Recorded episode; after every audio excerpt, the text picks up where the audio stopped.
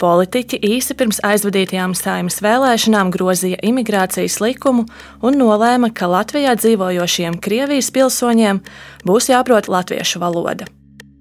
Ja viņi, lielākoties pensionāri, nenokārtos eksāmenu, tad Latviju var nākties pamest. Nu, Kādu apdraudējumu es varu radīt? Ar slimu vīru, tikai līdz veikalam, uz slimnīcu, pārstiem un viss. Pret šo ieceri cīnās jau ilgus gadus Latvijas drošības dienesta uzmanības lokā nonākusi prokrieviska aktīviste, kura pārstāv klientus tiesā. Es redzu diezgan labas izredzes aizstāvēt savas tiesības un arī vinēt eh, tiesas administratīvajā kārtībā. Kaut arī satvērsmes tiesa ir ierosinājusi vairākas lietas. Saimnes juridiskais birojs, kas analizē deputātu pieņemtos lēmumus, uzskata, ka likums nepārkāpj konstitūciju valstī samērā plaša rīcības brīvība ierobežo šīs cilvēku tiesības, ja tik tiešām tas tiek darīts valsts drošības aizsardzības labad. Vai izmaiņas imigrācijas likumām, kuras saimnes deputāti pērn pieņēma steigām, ir rūpīgi izsvērtas un samērīgas? Un vai Krievijas pilsoņus, kuri nenokārtos latviešu valodas eksāmenu un neizpildīs vēl citas prasības, tik tiešām izraidīs no valsts? To atvērto failu pusstundā pētīšu es, Linda Spundziņa. Pirmā daļa - kur es braukšu?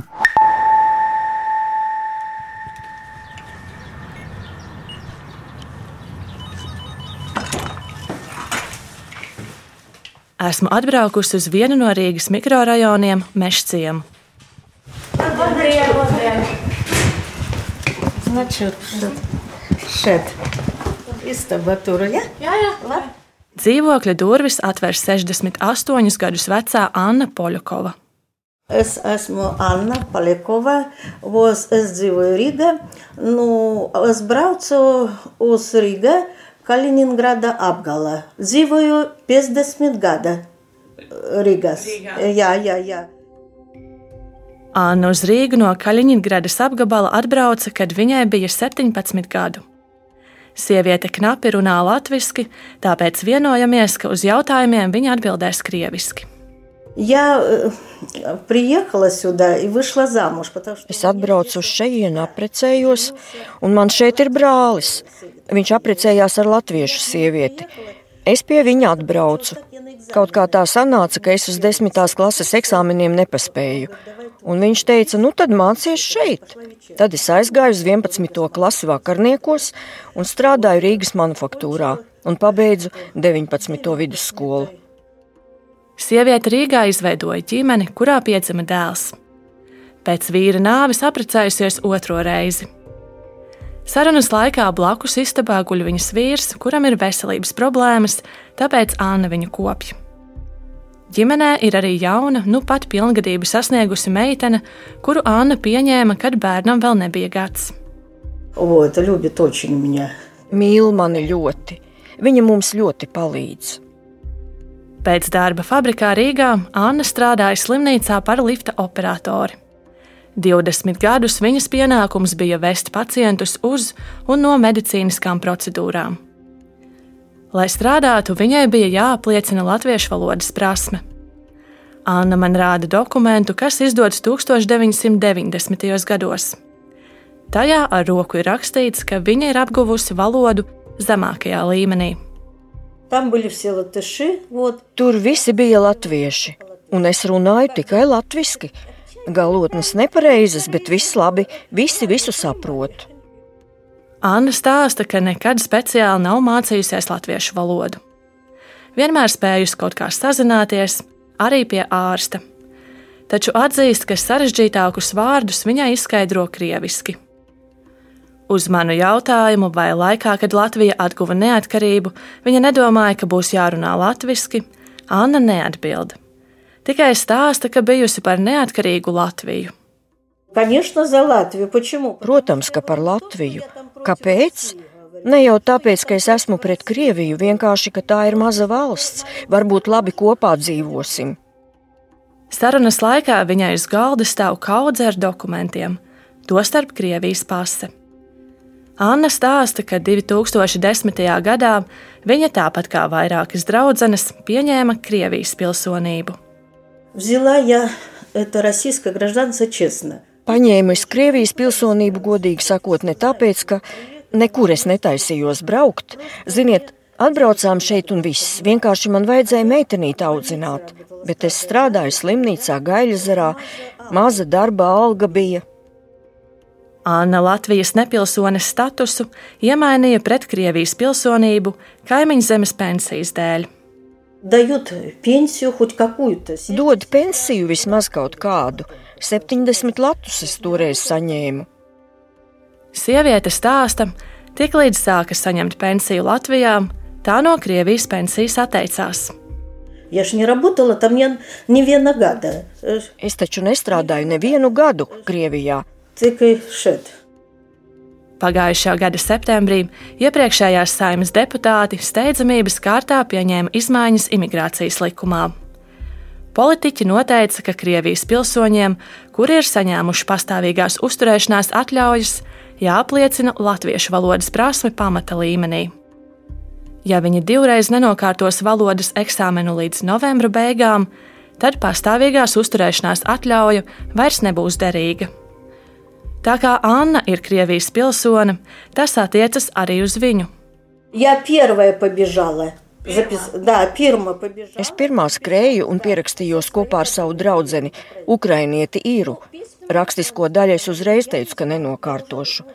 Es jau nenoskaņojos, bet zināju, balstoties savā zināšanās. Nu, ko tur teikt, es taču nevaru rakstīt, un viss. Es uztraucos par rakstisko daļu, un tieši tā arī bija. Viņa man rāda eksāmena rezultātus. А, вот. И, я набрала по, это как его, runāt prasme 66. Nu, lūk, es ieguvu, kas tas ir runāt prasme 66%. Vairāk, vajadzēja 60%. Jā, jā, jā, jā, jā. jā, jā, rakstīšanā 40%. Lai pārbaudījumu nokārtotu, klausīšanās, lasīšanas, rakstīšanas un runāšanas daļā katrā jāiegūst vismaz 60%. Tie, kuri izkrīt pirmajā eksāmenā, var to kārtot vēl vienu reizi. Uztraucējos, jā. tagad kaut kā vēl piemācīsieties, kā kaut ko mācīties, vēl lai būtu labāki rezultāti. Ой, не. Anna nezina, ko darīs, ja arī otro reizi eksāmenu nenokārtos. А что делать? Вот честно говоря, куда поеду я? Ko darīt? Godīgi sakot, kur es braukšu? Uz kapa vietu.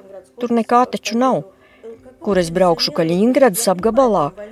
Kāds no pensionāra var būt draugs. Es saprotu, ka karš un viss pārējais, bet kādu apdraudējumu es varu radīt? Ar slimo vīru tikai līdz veikalam, uz slimnīcu, pārstiem un viss. Viņa gan atzīst, ka cilvēkiem, kuri dzīvo Latvijā, jāprot valsts valoda. Latvieši nada zina, es, ja ne protiv latviešskava vdiči. Latviešu valoda jāzina, un es neesmu pret latviešu valodu. Jauniešiem jāzina latviešu valoda. Par spīti tam, Anna ir starp tiem vairākiem desmitiem cilvēku, kuri parakstīja pieteikumu satversmes tiesā. Viņi cita starpā vēlas panākt, lai prasību Krievijas pilsoņiem kārtotu latviešu valodas eksāmenu atzīst par neatbilstošu konstitūcijai. Я подам. Почему? Потому что Es iesniedzu. я не сдам. Kāpēc? Tāpēc, ka nenokārtošu rakstisko daļu. Tas arī viss. Я не сдам письменно. Вот и все. Otrā daļa. Tā ir mana iniciatīva. Никуда пока не надо до 1 июня. Viena no vietām Latvijā, kur Krievijas pilsoņi var parakstīties pieteikumam satversmes tiesā, ir Daugopils doma. Вот само заявление. Tur par izmaiņām imigrācijas likumā viņus konsultē vietējā pašvaldības deputāte no saskaņas. Atsaucība ir liela.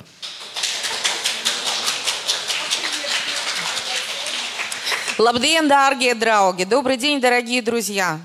Tāpat kolektīvos pieteikumus tiesai palīdz sagatavot Rīgā un Liepājā. Pieteicējus pārstāv advokāte, partijas saskaņa biedre Elizabete Krivcova. Tas nav saistīts ar politiskām partijām. Tā ir mana, mana iniciatīva. Elizabete Krivcova jau ilgstoši ir figurējusi valsts drošības dienesta gada pārskatos. Viņa ir bijusi līdera organizācijai Nepilsoņu kongress, kuras dalībnieki pirms 11 gadiem organizēja referendumu, lai krievu valodu atzītu par otro valsts valodu Latvijā. Krivcova ir tā dēvētā Krievijas tautiešu politikas aktīviste, kura ir centusies izplatīt Kremļa ideoloģiju, lai starp vietējiem krieviem saglabātu piederības sajūtu Maskavai. Piemēram, vairākus gadus 9. maijā viņa organizēja nemirstīgo pulka gājienu, lai slavinātu padomju armijas karavīrus un uzsvērtu Krievijas varenību. Par pieteikumu satversmes tiesā turpina Elizabete Krivcova. Bet eh, politiskas partijas, kad es meklēju brīvprātīgus, kuri varēs palīdzēt eh, tikt galā ar tik lielu cilvēku skaitu, jā, tad eh, Rīgā partija saskaņa, Daugavpīlī deputāti Andrijs Elksniņš un Natāļa Kožānova, un Liepāja tā bija Liepājas Krievu kopiena, kura arī organizēja šo parakstu vākšanu un dokumentu vākšanu. Šajās lietās viņa strādā kā juriste pro bono, jeb bez atlīdzības. Jūs teicāt, ka dabūjāt finansējumu iesniegumam. Kā tas ir? Vai jūs par to varat pastāstīt? Nu, nē, es to solīju, nestāstīt. Nē, es dabūju ne, nu, nelielu finansējumu tieši sagatavot to pirmo pieteikumu. Izmaiņas imigrācijas likumā esot pretrunā satversmei un starptautiskajām tiesībām. Pirmkārt, tas ir tiesības uz privāto dzīvi un ģimenes dzīvi. Jo cilvēki ir plānojuši savu, savu dzīvi, savas vecumdienas, un viņiem bija zināms tiesiskais stāvoklis. Tas prasības tiek piemērotas ar atpakaļiešu spēku, un arī ir Eiropas uh, cilvēktiesība tiesu prakse, kas saka, ka cilvēki, kas legāli uzturas uh, valstī, uh, viņiem nevar tā tik vienkārši atņemt uzturēšanas tiesības. Viņas prāta saima ir pārkāpusi satversmē teikto, ka visi cilvēki Latvijā ir vienlīdzīgi likuma un tiesas priekšā. Imigrācijas likuma grozījumi attiecas tikai uz Krievijas pilsoņiem, kas iepriekš bijuši Latvijas pilsoņi vai nepilsoņi, bet ne uz pārējiem citu pilsonību pieņēmušajiem. No kopumā desmit tiesā iesniegtajiem pieteikumiem septiņus pārstāv Krivcova. Līdz māja vidum satversmes tiesa ierosināja četras lietas un vēl lems, vai izskatīt vēl vienu. Tā kā katru negatīvo lēmumu Krievijas pilsoņi var pārsūdzēt, tad Kripcovs sola atbalstīt viņus arī administratīvajā tiesā. Tiem, kam, kuri ir vēl laba, kam ir labs veselības stāvoklis, kam ir bērni, nu, pret to izraidīšanu, to izraidīšanu var apstrīdēt. Un tur arī es redzu diezgan labas izredzes aizstāvēt savas tiesības un arī vinēt eh, tiesas administratīvajā kārtībā. Līdz tiesas galīgajam lēmumam, par kuru var cīnīties līdz pat augstākajai tiesai, Krievijas pilsoņi drīkstēs turpināt dzīvot Latvijā kā līdz šim. Vissliktākā situācija ir visvājākie. Tas ir vientuļie pensionāri. Viņa ir viena pati, viņa nevar dabūt ne termiņu uzturēšanas atļauju, jo viņa nestrādā un rādinieku viņai nav. Un viņai nav kur braukt, jo visi jau ir nomiruši. Un šādi cilvēki viņiem nav kam palīdzēt, un viņiem tiesiski arī nav iespējams neko izdarīt. Jā, viņi ir pirmajā rindā uz izsūtīšanu, uz izraidīšanu. Intervijas laikā Elizabete Krivcova man cenšas radīt dramatisku ainu ar sekām, kādas iestāsies pieņemto izmaiņu dēļ imigrācijas likumā. Ja es neņemtu vērā viņas iepriekšējo gadu aktivitātes Krievijas tautiešu politikas jomā un ieklausītos viņā tikai kā juristē, tad varētu rasties iespējas, ka Latvijā klaji cenšas pārkāpt Krievijas pilsoņu tiesības. Kā notikumus ap imigrācijas likumu vērtē valsts drošības dienests? Tas man atsūtīja šādu rakstisku atbildi, kuru ierunāja mans kolēģis. Valsts drošības dienas ir fiksējis vairākus dezinformācijas izplatīšanas gadījumus, kad prokremliski noskaņotas personas publiskajā telpā pauža nepatiesus apgalvojumus par deportēšanu no Latvijas valsts latviešu valodas nezināšanas dēļ. Minētās aktivitātes ir vērstas uz Latvijas sabiedrības šķelšanu un krievu noskaņošanu pret Latvijas valdību un valsts iestādēm. Trešā daļa cilvēktiesības nav absolūtas. Sveicināti, Inês Viljāna, patīkami, prieks ar jums. Lai noskaidrotu, vai grozījumi imigrācijas likumā tik tiešām ierobežo cilvēktiesības, esmu ieradusies Tiesības sarga birojā. Tagad tika pieņemti šie attiecīgie grozījumi, ja imigrācijas likuma pārējais noteikumos, mēs arī saņēmām gana daudz sūdzības no iedzīvotājiem. Jo, kā zināms, pie tiesības sarga cilvēki vēršas, ja viņi uzskata, ka viņu tiesības ir pārkāptas. Ineta Pilāna ir tiesības sarga vietniece. Un arī šajā konkrētajā jautājumā tas nebija izņēmums. Tādējādi mēs šo situāciju visu izanalizējām un arī pieņemām lēmumu, norādot arī zināmus arī šos apsvērumus, jā, vērsāmies pie premjera, aktualizējot konkrētos um, jautājumus un arī sniedzot arī priekšlikumus iespējamiem risinājumiem. Tiesības sargs martā brīdināja valdības vadītāju, ka imigrācijas likuma grozījumos nav izvērtēti visi iespējamie riski. Piemēram, noteiktais vecums, kad atbrīvo no eksāmeniem – Tā savukārt stāsta Piļānas kolēģe, pilsonisko un politisko tiesību nodaļas juridiskā padomniece Santa Tivaņenkova. Šajā gadījumā 75 gadi mūsu pirmais viedoklis bija, ka tas slieksnis ir ļoti augsts. Tiesības sarga ieskatā vecuma slieksni vajadzēja noteikt zemāku - no 65 gadiem. Tas ir gandrīz tas pats vecums, kad cilvēki Latvijā var doties pensijā. Cilvēki, kas ir pensijas vecumā, ir sociāli mazai sargāta personu grupa, tādēļ viņu cilvēktiesības ir īpaši jāaizsargā, bet saima to neņēma vērā. Tiesības pievērš uzmanību arī vēl kādam kritērijam. Proti, lai saņemtu Eiropas Savienības pastāvīgā iedzīvotāja statusu, personai jābūt regulāriem ienākumiem vismaz minimālās mēneša algas apmērā. Stāsta Ineta Piļāne. Uz ienākumiem tas ir tiešām arī novērsts. Tas bija nu, teiksim, arī mums arī lielākā sūdzība daļa bija tieši par šiem attiecīgiem jautājumiem. Deputāti aprīļa sākumā pieņēma izmaiņas, kad der arī apliecinājums par Latvijā piešķirtu pensiju. Pēc Piļānas teiktām, kaut arī ar pieteikumiem satversmes tiesā rosās prokuramliskas personas, arī tiesības sargu tomēr satrauc likuma izmaiņu dēļ radītā nevienlīdzīgā attieksme. Šis jautājums arī tāpēc viņš arī nu, būs tiesā un arī vērtēs tiesa. Nu, lūkosim, kāds arī būs. Tiesības sarga birojā pieļauj, ja satversmes tiesa aicinās saima nodrošināt vienlīdzīgu attieksmi pret visiem ārzemniekiem, tad visticamāk deputātiem nāksies prasīt valodas pārbaudes arī pārējiem iedzīvotājiem, kuri pieņēma citas valsts pilsonību. Kopumā Latvijā pagājušā gada beigās nepilniem 53 tūkstošiem ārvalstnieku bija derīgas uzturēšanās atļaujas. Krietni lielākā daļa bija Krievijas pilsoņu, uz kuriem arī attiecas izmaiņas likumā. Dina, prieks jūs satikt. Mēs būsim divi tā, jo Jānis ir galvenais tiesā atbildes raksturakstītājs. Pēc... Esmu ieradusies Saimas juridiskajā birojā, kas ikdienā vērtē deputātu pieņemtos lēmumus tostarp arī grozījumus imigrācijas likumā.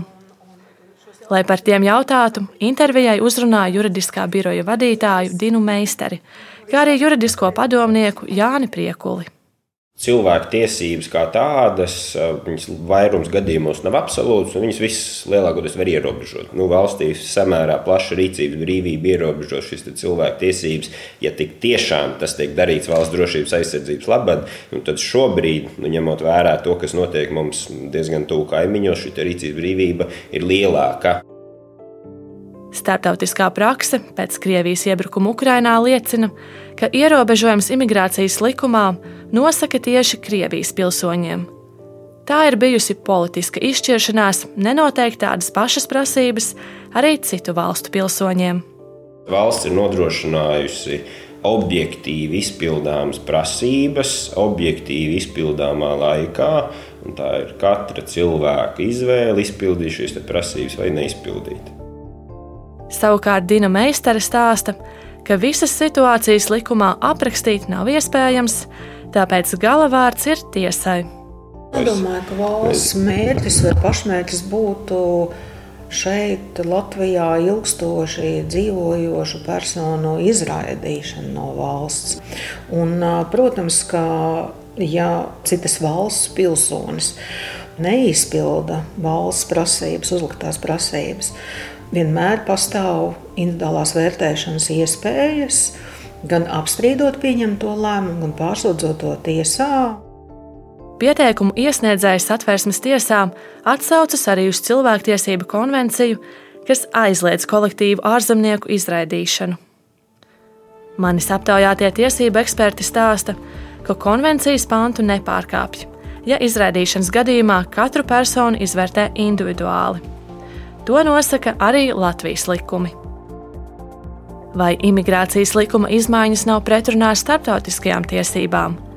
To savukārt jautāju Eiropas Savienības tiesas tiesnesei Inetai Ziemelei. Tas, kas cilvēkiem pirmais tāds uzkrīt, nu kā, nu taču šeit ir visa dzīve nodzīvota, tā taču ir mana privātā dzīve, vai ne? Nešaubīgi, ja šādā griezumā ir pateikts satversmes tiesai iesniegtajā konstitucionālajā sūdzībā, vai administratīvajā tiesā, teiksim, pēc negatīva lēmuma. Protams, ka tiesa to vērtēs. Vai šie gadi tiešām apliecina, ka e, Latvijā ir izveidojusies tāda privātā dzīve savā tātad Krievu burbulī, ka tas nosver nu, šo konkrēto lēmumu un, un pienākumu uh, latviešu valodu zināt uh, absolūti minimālajā līmenī. Tomēr jāņem vērā, ka šie cilvēki ir ārvalstnieki, piebilst Ziemele, kura iepriekš ir bijusi gan Eiropas cilvēktiesību tiesas tiesnese, gan arī satversmes tiesas priekšsēdētāja. Viņa neizslēdz, ka tiesnešiem Latvijā vajadzēs konsultēties arī ar Eiropas Savienības tiesu, tāpēc Ziemele par šo jautājumu atteicās plašāk izteikties. Ceturtā daļa. Vajadzēja censties un viss.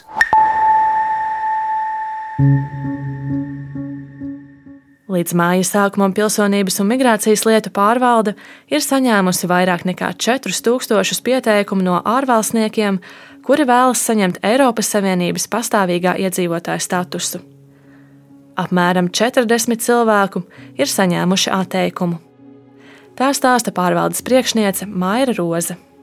Personas pašas atsakās no tālākās izskatīšanas, jo saprot, ka nevar iesniegt kādu no dokumentiem, piemēram, valodas apliecību par to, ka nokārtot valsts valodu, vai arī ir sapratis, ka tomēr termiņu uzturēšanās atļauja viņam ir tas, kas ir šī brīdī jāņem, kamēr, piemēram, iemācās valodu vai bijusi kāda prombūtne. Vai tas nozīmē, ka šiem cilvēkiem tagad jābrauc prom no Latvijas? Nē, tas nenozīmē, ka valsts būtu jāatstāj. Persona saprot, ka viņi var pretendēt uz termiņu uzturēšanās atļauju. To izsniedz pirmo reizi uz laiku līdz gadam, un šāda atļauja nedod tiesības iegūt valsts apmaksātus sociālos un veselības pakalpojumus ja ir šī termiņa uzturēšanās atļauja, tad brīdī, kad cilvēks ir iemācījies valsts valodu, viņš var atkal nokārtot šo eksāmenu un iesniegt dokumentus Eiropas Savienības pastāvīgā iedzīvotāja statusa saņemšanai. Tā kā tas process nav tāds vienas dienas process, nē, tas process var vilkties arī ilgāk. Maira Roza stāsta, ja pārvalde nolemj, ka cilvēkam jāpamet valsts, tad katru gadījumu vērtē individuāli Tostarp skatās, vai cilvēkam ir radinieki un kāda ir saistība ar Latviju. Tātad tas pats attiecas uz Krievijas pilsoņiem Latvijā, kuriem imigrācijas likums liek līdz novembra beigām nokārtot latviešu valodas eksāmenu. Šobrīd mēs nerunājam par izraidīšanu. Mēs runājam par personām, kuriem ir jāizpilda likumā noteiktās prasības. Jānokārto valodas eksāmeni, jāiesniedz dokumenti. Starp dokumentiem, kas jāiesniedz, ir arī pieteikuma anketa, kurā Krievijas pilsoņiem jāatbild uz jautājumiem, piemēram, vai atbalstījuši Krievijas armiju. Šīs anketas migrācijas lietu pārvalde nodod arī valsts drošības dienestam. Līdz māja vidum Tas ir izvērtējis vairāk nekā 4,5 tūkstošus pieteikumus no Krievijas pilsoņiem, kuri vēlas iegūt pastāvīgās uzturēšanās atļaujas Eiropas Savienībā. Tā rakstiski mani informēja Valsts drošības dienests. Līdz šim valsts drošības dienests ir noslēdzis pārbaudas trešdaļā gadījumu, nekonstatējot būtiskus riskus pastāvīgās uzturēšanās atļaujas izsniegšanai un informējot par savu vērtējumu pilsonības un migrācijas lietu pārvaldi. Pārējos gadījumos izvērtēšana turpinās, tajā skaitā pārbaudot informāciju, kas saistīta ar iespējamiem riskiem. Vairākos simtos gadījumu valsts drošības dienas ir konstatējis nepieciešamību veikt padziļinātus pārbaudas pasākumus un iegūt papildu informāciju. Kas notiks gadījumā, ja Krievijas pilsoņi, kuri dzīvo Latvijā, tā arī nenokārtos latviešu valodas eksāmenu un nesaņems pastāvīgās uzturēšanās atļauju, vai viņus izraidīs piespiedu kārtā? Pilsonības un migrācijas lietu pārvalde atbildēja, ka tas ir valsts robežsardzes kompetencē. Savukārt robežsardze man atsūtīja šādu rakstisku atbildi, kuru ierunāja mana kolēģe. Kontekstā ar grozījumiem imigrācijas likumā Krievijas pilsoņu piespiedu izraidīšana no Latvijas ir pēdējais galīgais līdzeklis, un valsts robežsardze to īstenos uz pilsonības un migrācijas lietu pārvaldes lēmuma pamata. Pats izraidīšanas process ne ar ko neatšķirsies no pastāvošās kārtības, kādā ārzemnieki tiek izraidīti no valsts piespiedu kārtā. Robežsardze man neatbildēja, vai pat labam kaut kā īpaši gatavojas iespējamai piespiedu izraidīšanai imigrācijas likuma dēļ. Pēc neoficiālām sarunām ar valsts iestāžu pārstāvjiem es secinu, ka amatpersonas vēl nezina, vai šos cilvēkus vispār izraidīs. Ja tas notiks, tad tie visticamāk būs atsevišķi gadījumi, kad Krievijas pilsoņi apzināti nesadarbojas ar valsti. Līdz māja sākumam latviešu valodas eksāmenu kārtoja gandrīz 5000 Krievijas pilsoņu. Puse no viņiem izkrita, jo neizdevās iegūt nepieciešamo punktu skaitu. Tātad viņiem eksāmens būs jākārto vēlreiz. Tas pozitīvais faktors šobrīd ir, ka ir absolūti tāda labticīga gaisotne, jo šie cilvēki ļoti labi apzinās, ka viņi ir atnākuši uz valsts valodas prasmes pārbaudas procesu, Viņi no sirds cenšas nokārtot. Liena Voroņenko ir valsts izglītības satura centra vadītāja. Viņa stāsta, ka cilvēki nespēja nokārtot eksāmenu, jo neprot valodu. Prasme strādāt ar datoru nav šķērslis.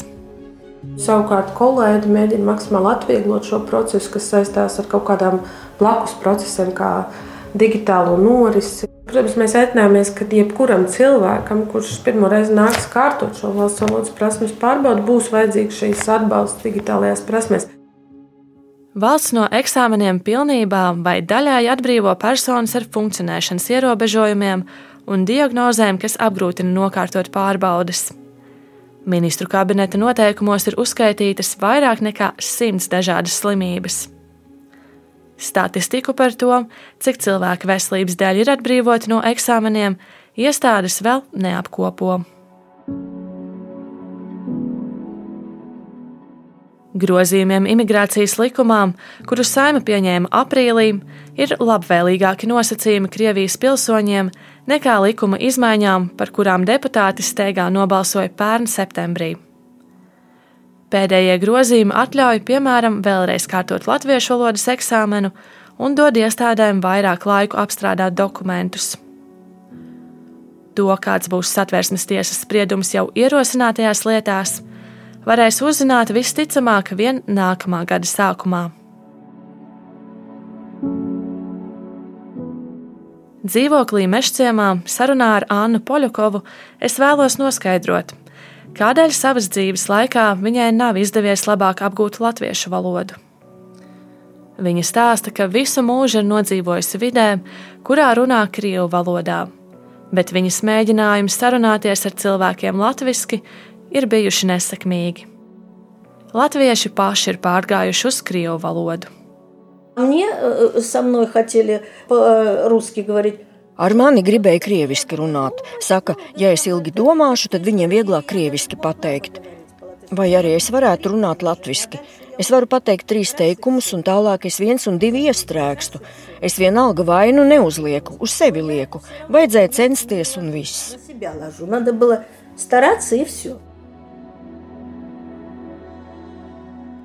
Raidījumu veidoja Linda Spundiņa, Ģedards Čelzis un Reinis Budze.